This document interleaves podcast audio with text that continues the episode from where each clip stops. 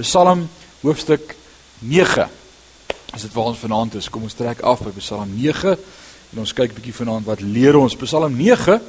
Uh Dawid skryf hom in die Engels sê dit so mooi, die Afrikaans sê net op die op die wysie van sterf vir die seun.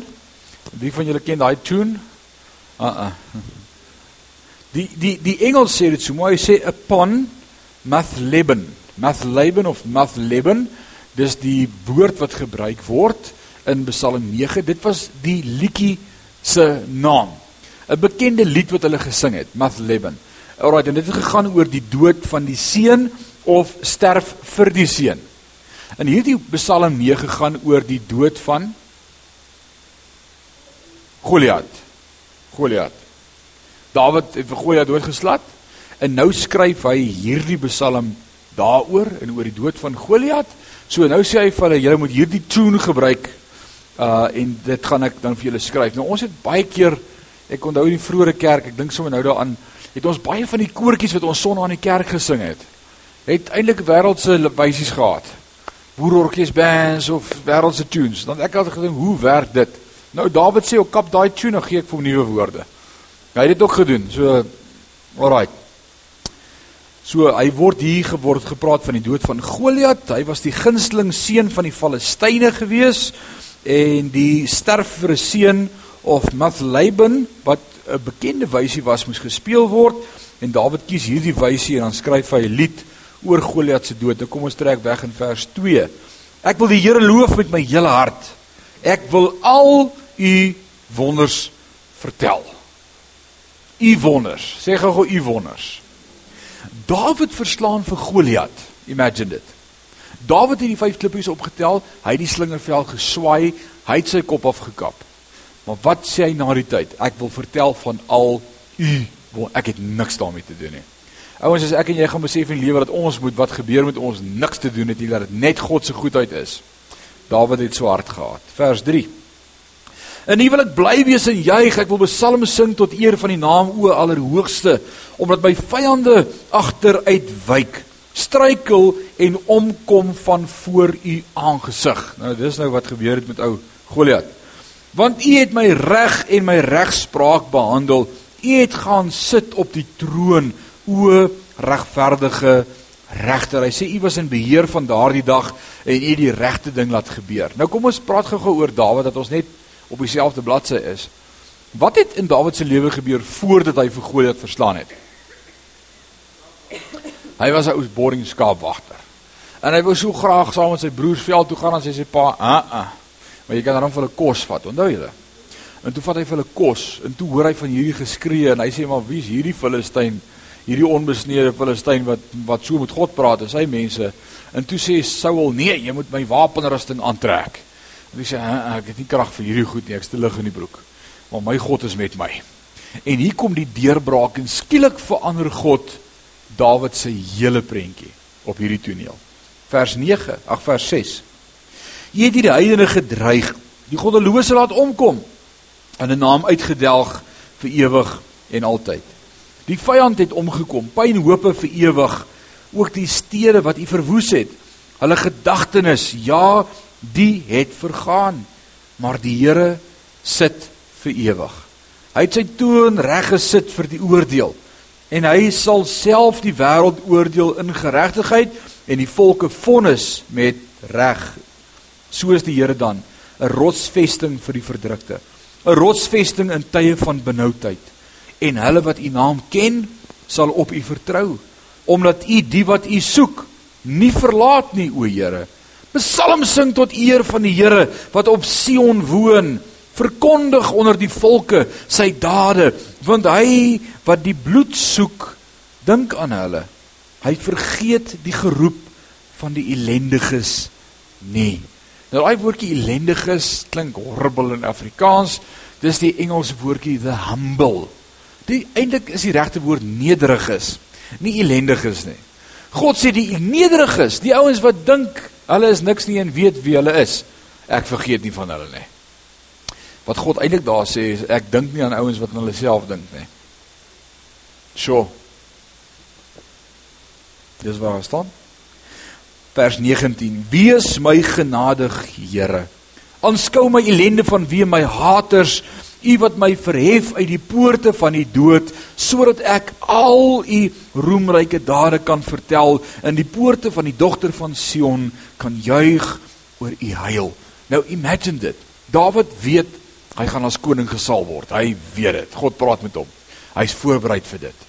Hier kom hy van die kantlyn af ewe skielik Saul het nie eens geweet wie hy nie. Wil jy iets vra my oom Dion? Hy kom hier van die kantlyn af. God posisioneer hom, hy maak vir hierdie Filistyn vir 'n reus dood en dan verdwyn hy van die prentjie af en nou moet hy vlug want nou wil Saul hom doodmaak. Want nou begin die vrouens sing en hulle laai kom. En almal vra waar's daai klein rooi kop mannetjie? En Saul sê maar ek is die koning. Het julle vergeet van my? En hulle sê maar hy is die volgende koning. En hy sê nie terwyl ek dit kan help nie, ek gaan hom doodmaak. So skielik is hy net weer terug waar hy was, inteendeel erger as waar hy was. En nou sê hy: "Wees my genadig, Here, aanskou my ellende van wie my haters, U wat my verhef uit die poorte van die dood, sodat ek al U roemryke dade kan vertel in die poort van die dogter van Sion kan juig oor U heil."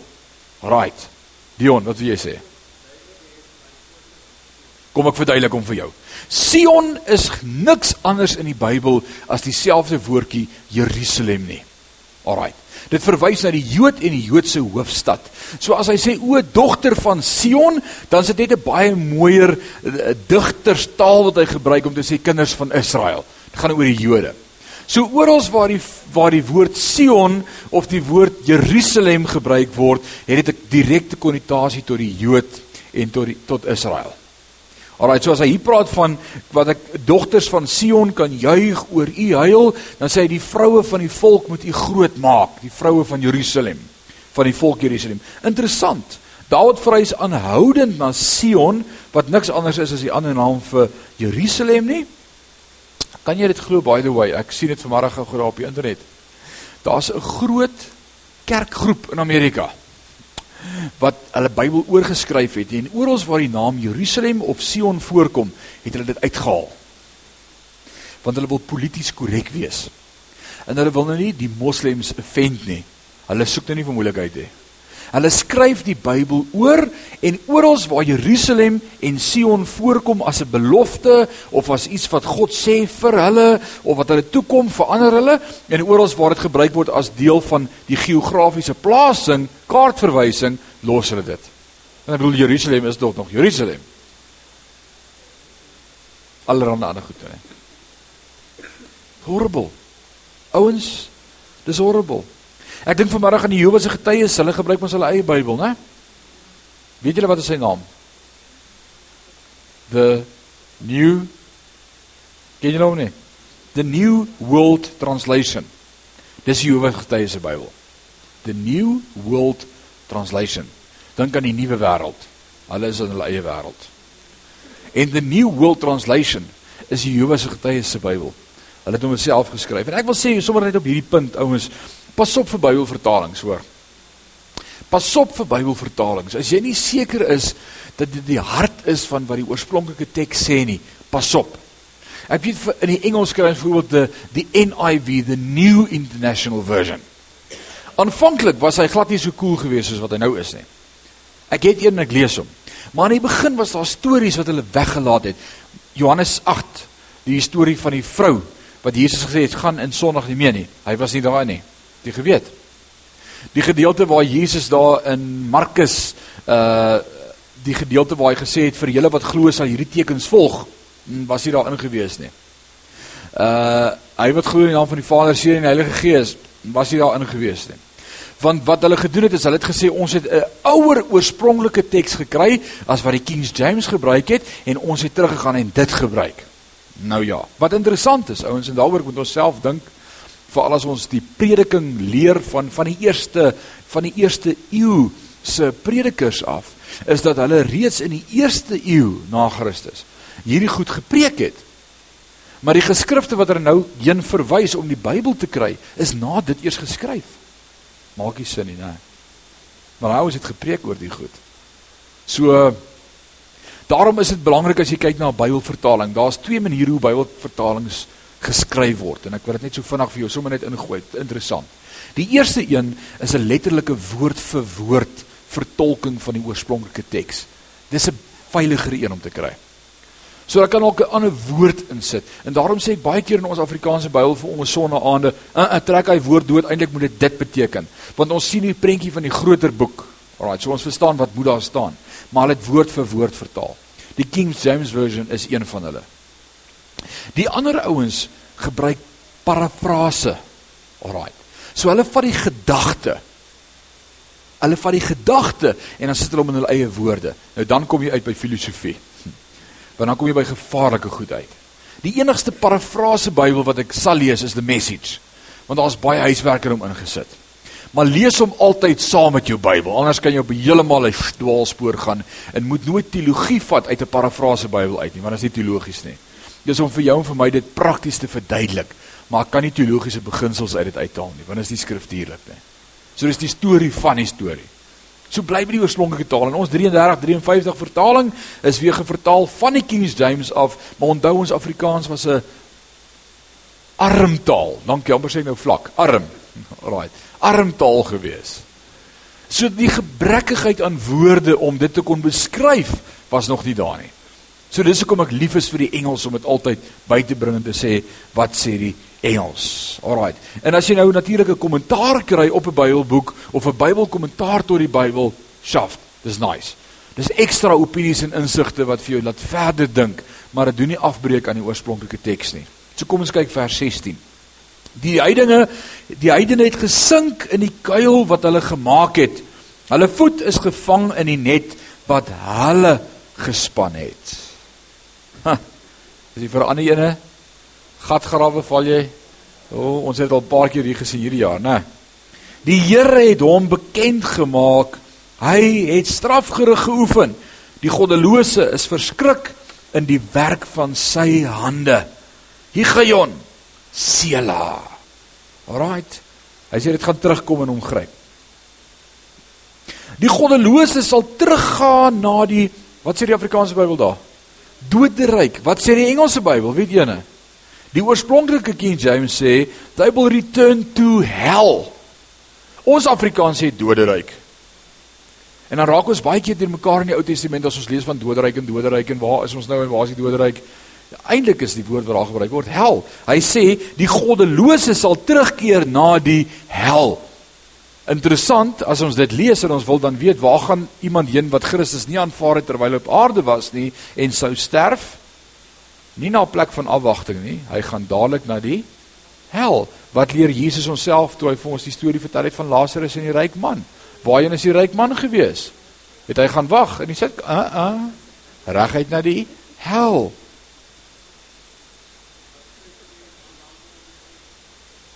Vandag sal jy saam met my in die paradys wees.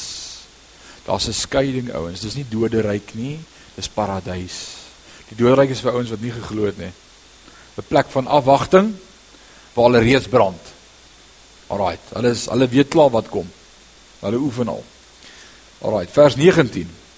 Want die behoeftige sal nie vir altyd vergeet word, die verwagting van die ellendiges nie vir ewig verlore gaan nie. Staan op, Here. Laat die mens nie sterk word nie. Laat die heidene voor u aangesig geoordeel word. O Here, jaag hulle skrik aan. Laat die heidene weet hulle is mense. Sela, dink daaroor. Hy sê laat die mense besef hulle is net mense, hulle is nie God nie. Hulle probeer God speel oor my lewe. Here, hulle is net mense. Maar net U erken ek as God. Dis so pragtig. Ons erken so maklik ander mense as God oor ons lewe. Hoekom? Hoekom erken ons so maklik ander mense se uitspraak oor ons? As 'n dokter 'n uitspraak maak, dan vaar ons dit so maklik. Of as iemand vir jou sê, "Man, dis net maar hoe dit gaan wees." Dan ja, nee, dis hoe dit gaan wees. Whose report shall I believe? I will believe the report of the Lord. Hy is God. En dis wat Dawid hier sê, sê tog vir die klomp, hulle is mense, hulle is nie God nie. Want ek weet ek skuil by U. Awesome. Alright. Vers uh, Psalm 10. Sê hoofstuk 10. Dis Psalm 10. Psalm vers hoofstuk 10. Alright, o Here, Waarom staan u so ver weg en hou u verborge in tye van benoudheid? Het jy dit al gevra lately? Ek dink daar's ouens wat dit vandag gevra het vir die Here. Here, hoekom staan U so ver weg en is nie hier in my benoudheid nie? Waar is U? Waar ons is geneig om te vra. Ek vra dit ook soms. In sy trotsheid vervolg die goddelose die ellendige. Laat hulle gegryp word in die listige planne wat hulle uitgedink het. Want die goddelose juig oor die begeerte van sy siel en hy seën hom wat onregverdige wins maak. Hy verag die Here. Die goddelose met sy neus in die hoogte sê hy ondersoek nie. Daar is geen God nie. Mm, dit is al sy gedagtes. Nou my Afrikaans sê dit is al sy gedagtes. Die Engelse sê dit eintlik vir my en dis hoe dit moet staan. Al sy gedagtes is daar is geen God nie. Sien hoe anders is dit? Hy sê al wat hy die hele dag dink hierdie ou goddelose ou is, ag daar's nie 'n God nie. Hy hou dit so aan glo dat hy dit naderhand gaan glo. Alraai, nou ons gaan daaroor praat vanaand want hierdie psalms deel daarmee. Sy wee is altyd voorspoedig. Hoog daarbo is u gerigte weg van hom af. Al sy teenstanders, hulle bla, hy blaas op hulle. Hy sê in sy hart, ek sal nie wankel nie. Van geslag tot geslag is ek die een wat nie in die ongeluk sal wees nie. Sy mond is vol van vloek en sy bedrog en verdrukking. Onder sy tong is moeite en onreg. Hy sit in die hinderlaag by die dorpe. In skuilplekke maak hy onskuldiges dood. Sy oë loer op die ongelukkige. Hy loer in die slui in die skuilhoek soos 'n leeu in sy lêplek. Hy loer om die ellendige te vang. Hy vang die ellendige deur sy internet, o nee, ekskuus, deur sy net toe te trek. Nou, well, alright. Dis dis hoe hy werk, alright. En verbrysel sink die teneer en die ongelukkiges val in sy mag. Vers 11 sê, hy sê in sy hart, God vergeet dit. Hy verberg sy aangesig. Vir ewig sien hy dit nie. Staan op, Here, o God. Hef u hand op. Vergeet die ellendiges nie. Die goddelose. Waarom verag hy God en sê in sy hart, u soek dit nie? U het dit gesien. Want u aanskou die moeite en verdriet sodat 'n mens dit in sy hand sal gee. Aan u gee die ongelukkige dit oor. U was 'n helper van die wees. Verbreek die arm van die goddelose in slegte. Besoek sy goddeloosheid totdat u niks vind nie. Here is koning vir ewig en altyd. Die heidene het vergaan uit sy land. Here, U het die begeerte van die ootmoediges gehoor. U sal hulle hart versterk. U oor sal luister om aan die wees en verdruktes reg te doen. Geen mens uit die aarde sal langer voortgaan om skrik aan te jaag nie. Man, hierdie is 'n potent psalm. Kom ons werk deur hom. As Dawid daarso sê in vers 15 verbreek die arm van die goddelose. Breek sy been, slat 'n gat in sy kop, ruk sy nek af. Die psalms ouens is baie kruel, baie gewelddadig. Baie. Ek wil ek vir jou 'n paar goeders gou gesê daaroor. Alraight. Hy praat van armes breek, tande uitslaan, skedels kraak, vermorsel voor die aangesig, straf met weerlig. Gaan dit sien in die psalms? Dan wil ek vir jou een ding onthou vanaand. Net soos wat ek vir jou leer sonder aandag as ons kom by Openbaring dat die Ou Testament ontsluit word in die Nuwe Testament, maar die Nuwe Testament is weggesteek in die Ou Testament. Dis een boek. Wie dit al gesnap? Wie begin ek dit self sien as jy die Ou Testament lees en dink jy, "Jee, maar dit klink amper soos wat Petrus daar sê of dit was nee, dit dit begin gebeur. Dis een boek." Net so As ons veral met die psalms deel, gaan jy die volgende sien. As ons die Ou Testament lees, en onthou dit altyd as ons die Ou Testament deel. Die Ou Testament spreek van die fisiese, die geografiese, die eksterne, die verbygaande.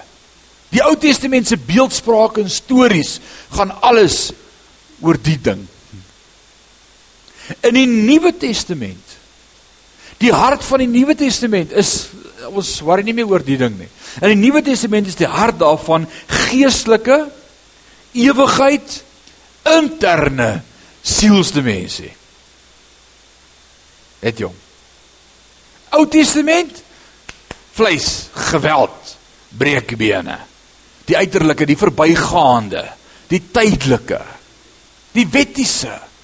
Die Nuwe Testament sê ja, daar het 'n paradigma verskywing plaasgevind, geestelike, ewige, interne. So al die stories in die Ou Testament en hier kom nog 'n sleutel vir jou rondom hoe om die Bybel te lees. Al die stories in die Ou Testament, die oorloë, die stellings van breek sy arm, uh, is alles kragtige illustrasies van praktiese fisiese eksterne illustrasies van wat? Van Nuwe Testamentiese beginsels met betrekking tot die interne, die ewige en die geestelike. Nou sien jy, nou is ek heel deur mekaar. Al die stories in die Ou Testament. Die oorloë, stellings van geweld is almal kragtige illustrasies. Dis prentjies soos wat ons Sondag aand gedoen het. Ons het Sondag aand gepraat oor hou aan om in die woord te wees. Toe vat ek vir jou na die praktiese prentjie toe waar hy die pile moes vat en prakties slaan. Dis die praktiese prentjie van wat die Nuwe Testamentiese beginsel my leer. Dis dieselfde ding. Alraai, hy moes die woord bely.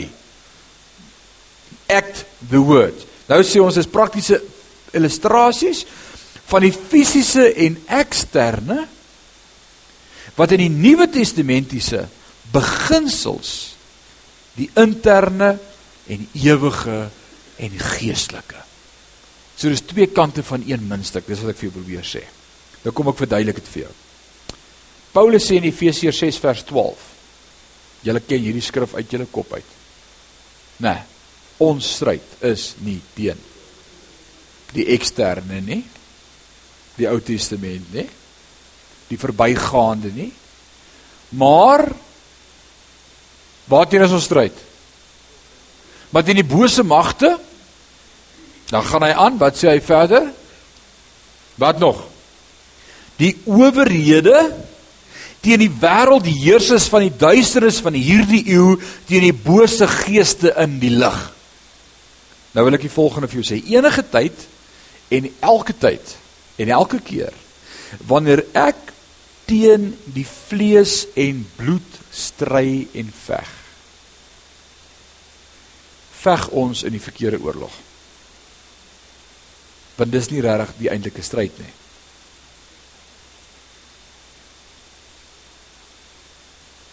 Wanneer ek en my vrou of ek en my kind of jy en 'n vriendin of jy en 'n kind of jy en 'n ouer of twee ouens koppe stamp en daar's net 'n ding wat gebeur en ons is besig om hierdie stoei te stoei. Is jy besig om die verkeerde fight te fight? Want ons stryd is nie teen vlees en bloed nie, maar teen die bose magte in die lig. Alraait. So die oomblik wanneer 'n fight so plaasvind, dan is dit 'n manifestasie van 'n geestelike fight wat so plaasvind en hy manifesteer fisies so. Dis wat ek net vir jou gesê het. In die Ou Testament is dit die verwygaande, die tydelike, die uiterlike. In die Nuwe Testament is dit die hart, die siel, die ewige, die ewigheid, die sielsdimensie. Efesiërs leer dit vir ons. Dan kom ek prakties verduidelik dit vir jou. Want nou sê jy maar wat het dit doen met psalms? Kom ek help vir jou. So. Die vyand van die siel. Wie is die vyand van die siel? Die duiwel. En hoe manifesteer die duiwel as vyand van die siel met my en met jou? Ons het dit net gelees in Efesiërs. Anders sou Paulus nie gesê ons stryd is nie teen vlees en bloed nie, want dis hoe hy manifesteer. Vlees en bloed. So hoe manifesteer die vyand in ons lewe vlees en bloed? Of jou eie vlees en bloed of vlees en bloed. Maar hy roer vir jou en hy gebruik vlees en bloed. Alraight? So as die vyand van die, ons siele wat in ons is. Wie van julle is Caspers of klaar geeste of klaar verheerlikte liggame? Uh uh. Romeine 7 sê dit lyk vir my ek gaan hierdie stuk vleis moet dra tot die dag dat ek doodgaan. En dis so. Alraight. Gaan nog eendag met julle Romeine 7 deel. Dis 'n ongelooflike storie. So hierdie vlees. Nou kom Dawid en hy sê: "Here, breek hierdie stuk vleis. Breek sy kop. Vermorsel sy hoof. Knak my sodat my gees sterk kan wees en reg kan wees by U. Die enigste manier om te groei in jou verhouding met die Here is om hierdie ding te kruisig. Daarom sê Johannes se disippels kom by Jesus en sê: jou disippels vas nie. En hy sê maar die bruilof, hulle is hulle is by die hulle is by die bruidegom. Solank as by die bruidegom by hulle is, hoef hulle nie te vas nie, maar dan gaan 'n dag kom wat hy nie meer by hulle is nie. En ek sê vir julle, hulle gaan moet vas. Sekerlik. Wat doen vas in my en jou lewe? Vas is niks anders om te sê, Here, breek hierdie arm en hierdie wil en hierdie denke van my wat ek nie oorwinning van oor kan. Breek dit sodat my gees sterker kan word. Dis wat die psalms doen. So van vanaand af as ek en jy die psalms lees en en ons kyk dan na die praktiese storie dan sien ons hierdie wat in die Ou Testament prakties gemanifesteer word in die vlees as geweld is eintlik die Nuwe Testamentiese manier om met jou vleis te werk sodat jou gees sterker kan word. Maak dit so as jy hom het. Moet ek hom weer sê, het jy hom? Sien jy wat eintlik gebeur? So hoor wat sê Dawid. Hy sê Here, vat hierdie stuk vlees en breek hom. Knak my. Deurgrond my. Soek my. Breek my sodat my gees en my hart reg kom. Skep in my 'n rein hart o Heer en gee my weer 'n standvaste gees. Maar die ding, Here, hy gee net moeilikheid. Dawid het dit ontdek. En dis die storie van hoe ons die psalms lees en hoe ons hoe ons dit kyk. Jesus sê die koninkryk word gevat deur geweld. Hy sê die ouens wat die koninkryk met geweld bestorm, né? Is dit so? Wil ek sê waar is die koninkryk? Hier. En ek wil vir jou sê as jy die koninkryk met geweld bestorm, dan kry jy klaar met bieding en sy gewoontes en waarmee hy hom wil besig hou. Dit is hoe om die koninkryk met geweld te bestorm. En is my blessing. Ouens, dis eintlik so so so sigbaar, is so maklik eintlik. Alraai. So dis nie die uiterlike nie, maar die innerlike, die geestelike. Here skep in my 'n rein hart, reinig my o Heer. En daarom sê God van Dawid, hy was 'n man so na my hart. Dawid het nog God se geregtigheid gesoek. Hy het die ongeregtigheid gehaat. Ja, maar hy het dan sonde gehad. O, hy het baie sonde gehad. Tussen Saul en Dawid en Salomo dink ek Dawid het die meeste sonde gehad. Maar elke keer as daai stuk vleis geval het, dan sê hy Here, breek hierdie arms van hierdie sterk man. Breek sy kop, maak hom dood dat my hart kan sterk word in U. Hy het iets verstaan. Hy het iets verstaan. Het jy hom? Sê amen. Alraight. Psalm 11. Psalm 11. Vir die musiekleier Psalm van Dawid by die Here skuil ek. Hoe kan julle dan vir my sê vlug na die berge soos 'n voël? Dawid word op hierdie stadium gejaag deur Saul. Onthou nou, ek het nou net vir jou verduidelik. Dawid het nou hierdie sporadiese oorwinning gehad met Goliat. Nou moet hy vlug vir sy lewe. Hy het 'n paar manskappe om hom wat hom wil oppas en saam met hom wil wees, maar nou draai hulle ook nog teen hom en sê vir hom: "Hoor, jy beter vlug, Saul gaan vir jou doodmaak." Nou sê Dawid: "Wat se geit is dit hierdie? By die Here skuil ek, nie by mense nie." Hoe kan julle vir my sê vlug na die berg soos 'n voël? Ek skuil by die Here. Vlug is vir die voëls. Dis wat hy sê. Alraai. Want kyk, die goddelose span die boog Hulle het op pyl op die snaar reg gesit om in die donker te skiet na die opregtes van hart. Wat hy eintlik sê is hulle het vir my 'n teken gemaak En hulle skiet almal gelyk na my, maar hulle skiet in die donker. Ek kan nie eers daai pile sien kom nie. Ek voel net hoe tref al daai pile. Dis wat hy sê. Wow. As die fondamente omgegooi word, wat kan die regverdige daaromtrent doen? En ek wil die vraag vanaand vir jou vra. As die fondamente omgegooi word. En hoe baie keer voel ons die appelkar in ons lewe word omgegooi. En dan sê ons Here, maar dis nie fair nie. Nou wil ek vir jou vra, wat kan ek en jy daaromtrent doen?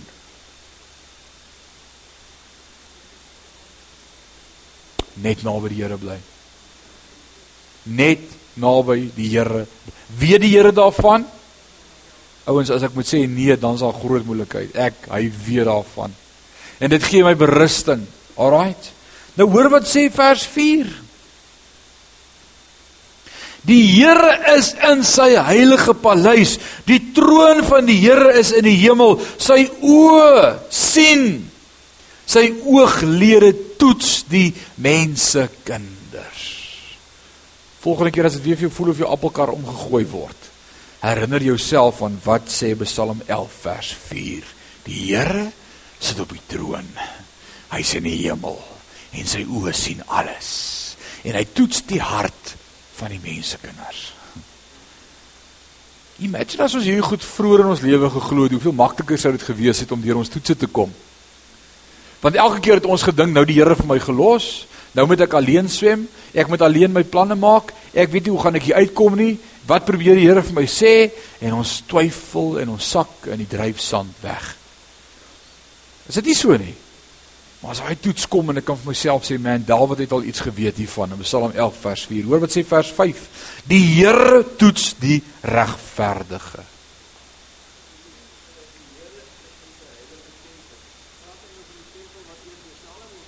Hy praat van die hemel. Hy verwys na die hemel. Jesus sit aan die regterhand van God die Vader, so hy praat daarvan as die tempel. Die tempel van die Here. Alraight. Dit is moeilik om daardie onderskeid te, te tref. Alraight. Hy is hoog en verhewe en sy soem vul die tempel. Nou jy daai gedeelte? Alraight. Dis dis die tempel van die Here. Hy sal op die goddelose vangnette vuur en swaal laat reën en die gloeiende wind sal die deel van hulle beker wees want die Here is regverdig. Hy het geregtighede lief. Die opregtes sal sy aangesig sien. Sê dit gou weer saam met my. Die opregtes sal sy aangesig sien. Jesus preek vir die heel eerste keer saam met sy disippeltjies in Matteus hoofstuk 4. En wat sê hy vir hulle? Salig is die wat rein van hart is want hulle sal God sien. Hy quote Ou Testament. Hy quote Psalm. Om Pieter.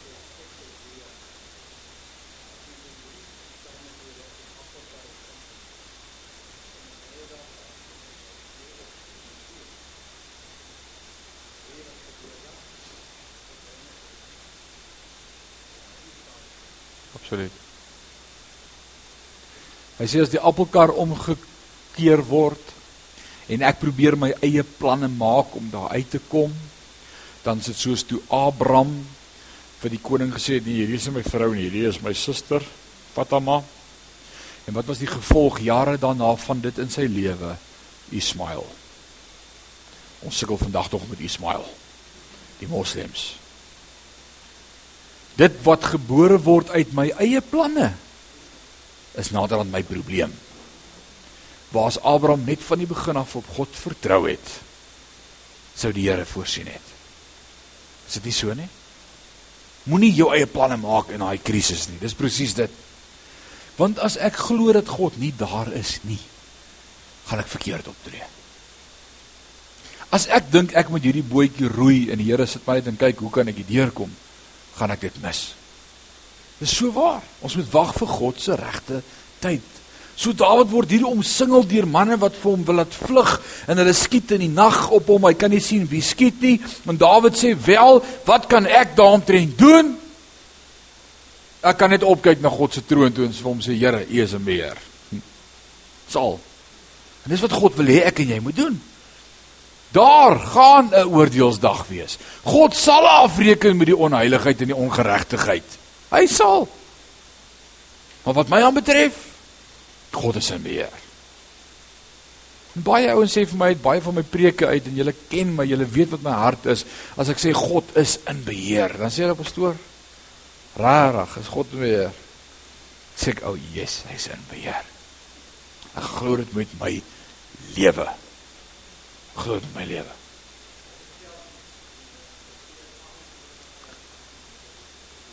Ek sal met julle wees al die dae tot al die volëinding. Ek is in beheer. My is gegee alle krag en mag, alle autoriteit. Ek is in beheer. Man is great. So wat kan wat kan ons daaromtrent doen? Ons kyk soveel keer na ons eie land. Ouens, ek moet dit hier ingooi. Ons kyk na ons eie omstandighede. Ons kyk na die president se speech.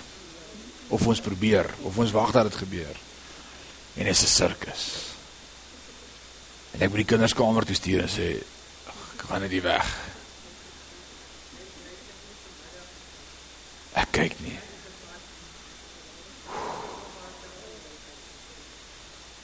En is Julius en is Zuma en die DA loop uit en is en dan kyk Here Wat gaan aan? Ek wil vir jou sê God is in beheer. God is in beheer. Ons het regering wat ons verdien. Hm. Nou ek het vir ons gesê ons job gedoen het, né? God is altyd in beheer. En ook dit werk mee teen sy plan. Dis deel van God se plan. Die vraag vanaand is, wat kan ons daaromtrent doen? Die Here is in sy heilige paleis. Sy toorn is die Here in die hemel. Sy oë sien, sy ooglede toets die mense kinders. Ek wens ek en jy kan leer om dit te onthou. Maar so vinnig pak daai paniek ons. En so vinnig dink ons is dit nou tyd. Het ek genoeg blikkies kos? Ouens, God is in beheer. So wat doen ons? Ons kyk op. Maar daar's nog iets wat ons kan doen. Daar's nog iets wat ons kan doen. Wat het gebeur nadat die tempel in Jerusalem afgebreek is? En nie een klip op die ander klip gebly het nie. En hulle vir 70 jaar weggevoer was in ballingskap.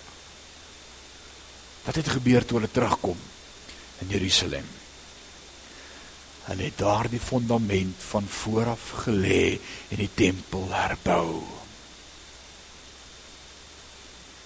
En die jong mense het gejubel en gejuig. Esra, ek weet nie vanaand jy by Esra begin nie. En hulle was bly. En jou mense het gehuil. Ooh, dis is so mooi so saas. Salomo se tempel. Nie. En toe kom die profeet en hy profeteer en hy sê luister, die Here sê hierdie nuwe ding gaan 2 keer, 10 keer, 100 keer meer die teenwoordigheid van God hê as die ou goed. God soek die opbou van die tempel. Right. God wil hê ons moet dit herbou, hè? Dit het oor die hele dag kerk gehou. Die Jeremia 8 van 6:00 die oggend tot 12:00 die middag. Ja, ek wag nog vir daai 6 uur preek geleentheid. Ek weet nie wie gaan die sonnaskool doen daai dag nie.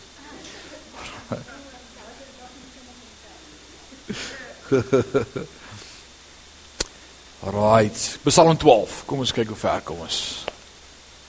Vir die musiekleier met basstem, met basstem. Oktaaf laer. Is nie hoog nie, is laag. Right.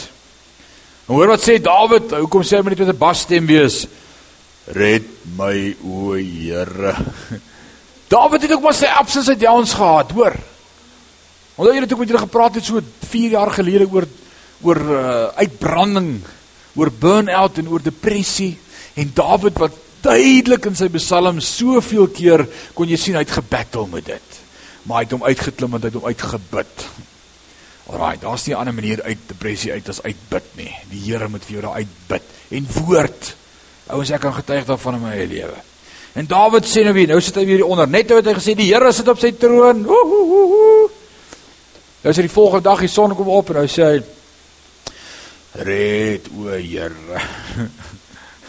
hy is weer onder in die gat.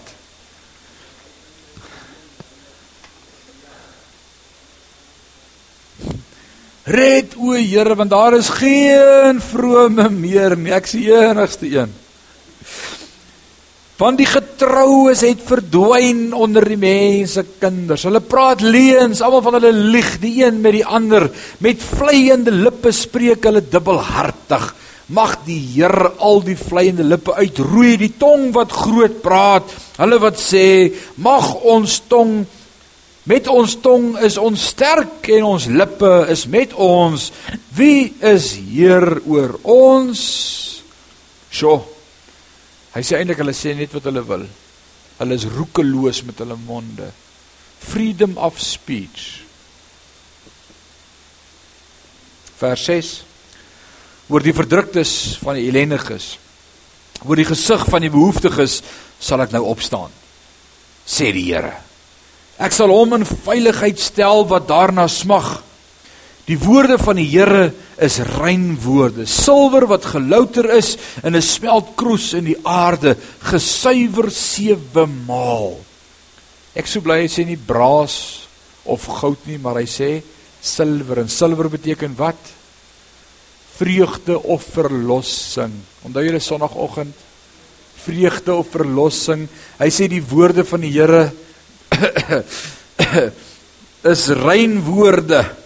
U o Here vers 8 sal hulle bewaar. U sal ons bewaar van hierdie geslag vir ewig. Die goddelose draf rond as laagheid die oorhand kry by die mensekinders. Dis sê u woord is vir ons 'n veilige toring. U woord. En ek wil vanaand sê dis ook al wat ons het is die woord van die Here. Hoofstuk 13 vir die musiekleier Psalm van Dawid hoe lank Here sal u my altyd deur vergeet? Hoe lank sal u vir my 'n aangesig verberg?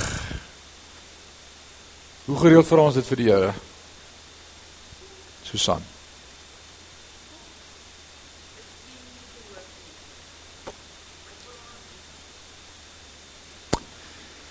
Bandis Bybelvertalers Want dis die foute wat hulle maak in die Bybel. Daar's baie foute in die Bybel.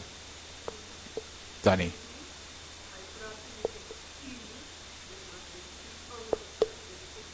So hy verwys nie na God nie, maar na God se aangesig, dan val hy die klem ons op aangesig en nie op u nie. Alraait. Dis nie die persoon nie, maar dis die attribute van God. Ek sou daai u ook hoofletter gemaak het. Alraight. Het jy ook al so gevoel? Het jy ook al vir die Here gevra hoe lank, Here, sal U my altyd deur vergeet? Raak ons ook haastig. Ons doen, hè. Jackie, what's it? Het jy geweet selfs in die hemel eendag gaan daar mense wees wat dit ook vir die Here gaan sê? Hoe lank nog, Here? In die hemel. Die wat in die 7 jaar verdrukking op aarde gesterf het, daardie siele word onder die altaar bewaar en hulle sê Here, hoe lank nog voor ons ook ons verheerlikte liggame kan kry? Ons gaan Openbaring deurlees. Lees Openbaring 4 en 5 so lank. Oralster is dit maar die tendens van die mens. Want ons verstaan nie God se tyd nie. Mense is haastig. Hoe lank, Here? Dawid roep dit ook hier uit. Hoe lank, Here? Hoe lank sal ek planne beraam in my siel met kommer in my hart oordag? Hoe lank sal my vyand hom oor my verhef? Aanskou tog. Verhoor my, Here, my God. Verlig my oë sodat ek nie in die dood inslaap nie. Dit beteken dat ek nie sommer aan die slaap doodgaan nie. Dis dis wat hy daar sê sodat my vyande nie kan sê ek het hom oorwin nie en my teenstanders nie juig as ek wankel nie, maar ek op u goedertierenheid vertrou ek. My hart sal juig oor u heil. Ek wil sing tot eer van die Here omdat hy aan my goed gedoen het. En nou wil ek gou hier vir jou ietsie lees. Yes.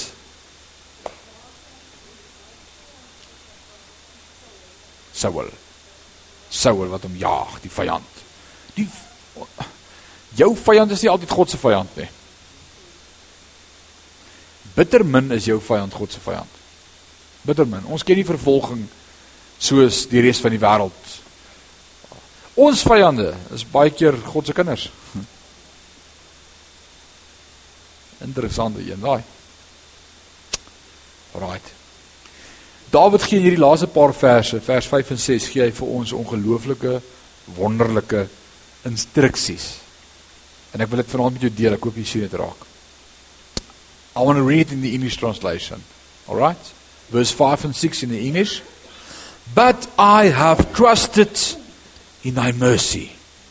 My heart shall rejoice in thy salvation. And I will sing unto the Lord because he has dealt bountifully with me. Hoe dis mooi. Dis beautiful. Wat sê die Afrikaans? Maar ek op u goedertierenheid vertrou ek. Nee nee nee nee. Die Engels sê but I have trusted. Nee, ek gaan nie. Ek het nog altyd verlede tyd. Daai tens het weggeraak in die Afrikaans. Dis nou sommer hede. Dit is verlede. Alraai, verlede sê, maar ek op u goedertierenheid het ek vertrou. Great. Dis wat ek in die verlede gedoen het. Ons het op die Here vertrou. Sê amen. Ons vertrou op die Here, maar ons het op hom vertrou. Hoor wat sê hy verder? My hart sal, nou sê gou vir my, wat beteken daai woordjie sal? Toekomstige tyd. My hart sal juig oor u heil. So ek het op die Here vertrou. My hart sal juig oor sy heil. Wat doen ek nou? Al wat nou vir my oorbly is ek wil sing tot eer van die Here omdat hy aan my goed gedoen het. Ek het vertrou. My siel gaan juig. Maar in die meantime gaan ek sing. Ouens, dis die mooiste ding. Daar's krag in aanbidding. Hy kan nog nie die rede sien hoekom hy God moet aanbid nie. Hy sê ek vertrou nog die hele tyd. Ek hoop ek gaan op die einde kan juig. Ek kan nog juig maar terwyl ons nou hier is, kom ons sing 'n koortjie. Man, is pragtig. Hoe hy die krag van aanbidding en lofliede miskyk nie. So pragtig. Daar's krag in aanbidding. Ons aanbid nie God vir wat hy doen nie, maar vir wie hy is. Beautiful. Psalm 14. Kom ons stop met hom vanaand. Kom ons kyk of ons hom klaar kry. Vir die musiekleier, 'n Psalm van Dawid. Die dwaas sê in sy hart daar is geen God nie. Het julle gehoor Obama het vandag uh in die FSA 'n nasionale vakansiedag uitgeroep vir die ateëste. Hy sê daar's 'n Moedersdag en 'n Vadersdag en 'n Kersfees, maar nou 'n dag vir die ateëste ook wees die 1 April.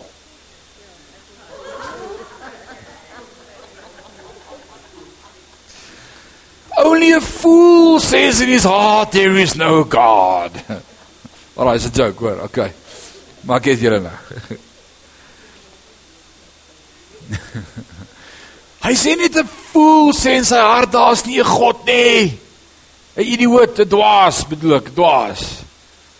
Dat my dink aan hierdie pastoor, hy was een van die stigterslede van die Volle Evangelie Kerk gewees, eh, Dr. Strydom. En hy uh ou kom eendag by hom. Met 'n pistool. En hy sê vir hom: "Wys my God, want ek kan God nie sien nie. Ek glo nie in God nie, ek's ateïs." Hy het hom so gekyk en sê hy: "Gee my daai pistool en help ek jou om te sien."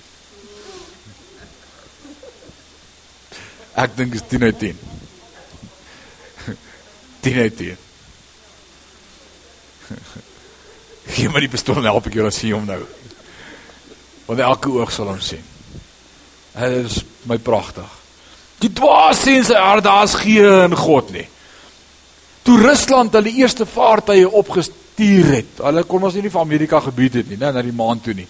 Maar toe hulle nou die eerste keer ook daar buite in die ruimte is, die Russe. Toe kyk hulle daar deur hulle sap en hulle kyk by daai venster uit en hierdie ou se ateës.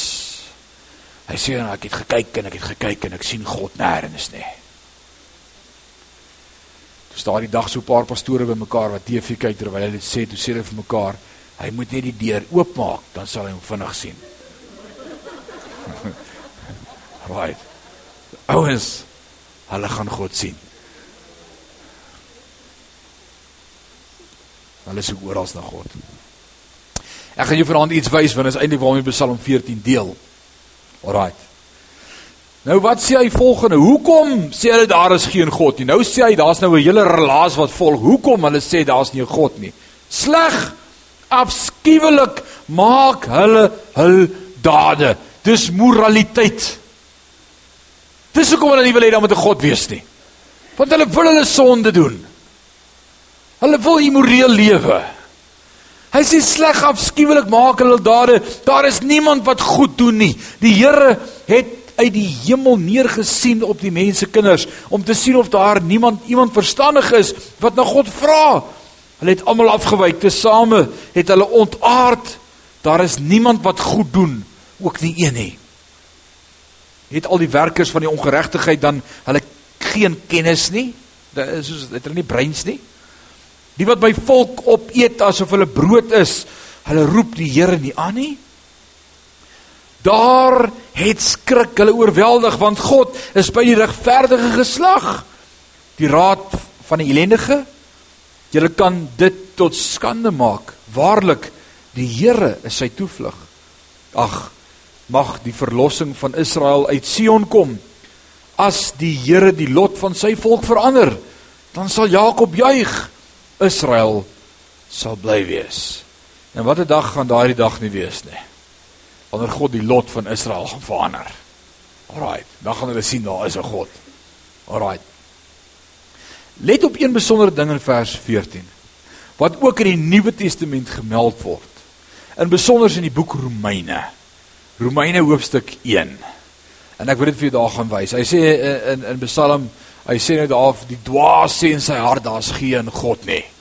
Hoor gou wat sê Romeine 1 vanaf vers 21. Omdat hulle die dwaase, die ateëste, die ouens wat nie wil glo nie, alhoewel hulle God geken het hom nie as God verheerlik of gedank het nie maar hulle het dwaas geword in hul oorlegging en hulle onverstandige hart is verduister terwyl hulle voorgee dat hulle wys is het hulle dwaas geword En nou wil ek jou gou help vanaand. As jy ooit in jou lewe met enige persoon gaan praat wat nie gelowig is of sê dat hy nie glo nie of sê dat hy ateïs is of 'n gnostikus is of wat ook al hy mag wees wat nie glo nie. Glo nie evolusie. Glo nie in skepping nie. Glo nie daar's 'n God nie. Glo nie hulle is accountable nie. Alraight. Dis nie 'n intellektuele ding nie. Want Romeine sê vir my, hulle dink hulle is wys, maar hulle is eintlik dwaas. So hulle wil met jou feite praat. Hulle wil Darwin praat en hulle wil evolusie praat en hulle wil teorie praat en hulle wil al hierdie dinge praat. Moenie don't go there. Luister wat die oom vir julle sê vanaand. Don't go there. Right. Dis 'n geestelike ding.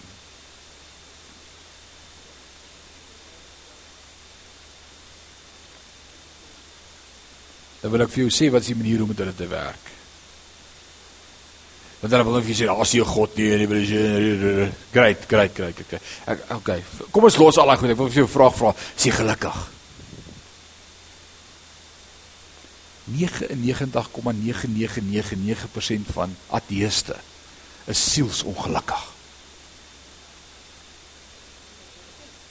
Is jy gelukkig? sien jy uit na die dag van môre? Hoe voel jy oor jou sterfdag? Ek sien uit na my sterfdag. Want ek weet wie's God en ek weet hy's in beheer en ek weet ons op pad na hom toe. Dis 'n morele ding.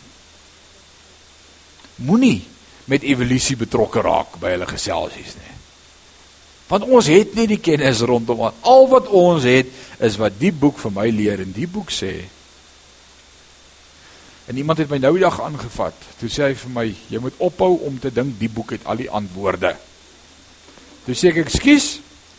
Toe sê hy, "Hou jou by teologie. Moenie oor evolusie en oor skepping praat nie want jy het nie 'n klou nie." Toe sê ek, "Jy is so reg, ek het nie 'n klou nie, maar die Bybel het 'n klou en hy sê dis in 7 dae gemaak." Toe wip hy hom vir my. Want as jy sy argument is dis evolusie. Miljoene, miljoene, triljoene jare gelede.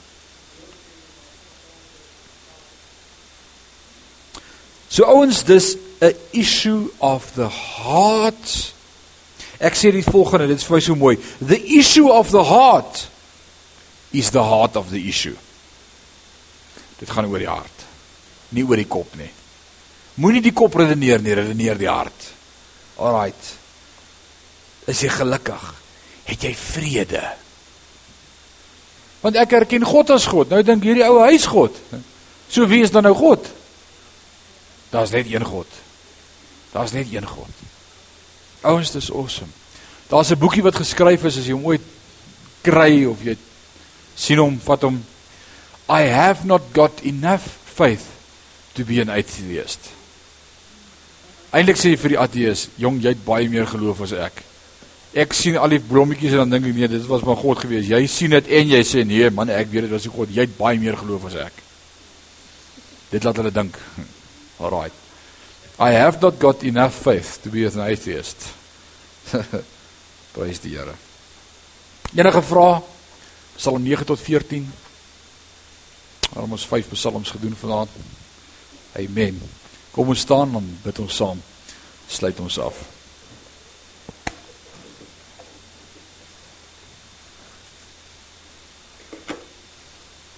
Hemelse Vader, Wat 'n voorreg om te kan leer. Dankie dat U ons 'n leergierige gees gee. Dankie dat U ons hart en ons verstand prikkel om meer en meer te wil weet en meer te leer, meer te delf, meer te soek. Maar bo alles, dankie Heilige Gees dat U dit vir ons oopbreek. Dankie dat ons soveel kon leer vanaand hoe om te deel met die vlees, die stryd van die vlees en die gees, die die oorlogvoering wat aan die gang is eintlik, hoe om daarmee te deel. Hoekom Dawid 'n man was na u hart. Dat God se oë alles sien en dat hy alles weet en dat hy altyd in beheer is. Here, ons eer U vanaand.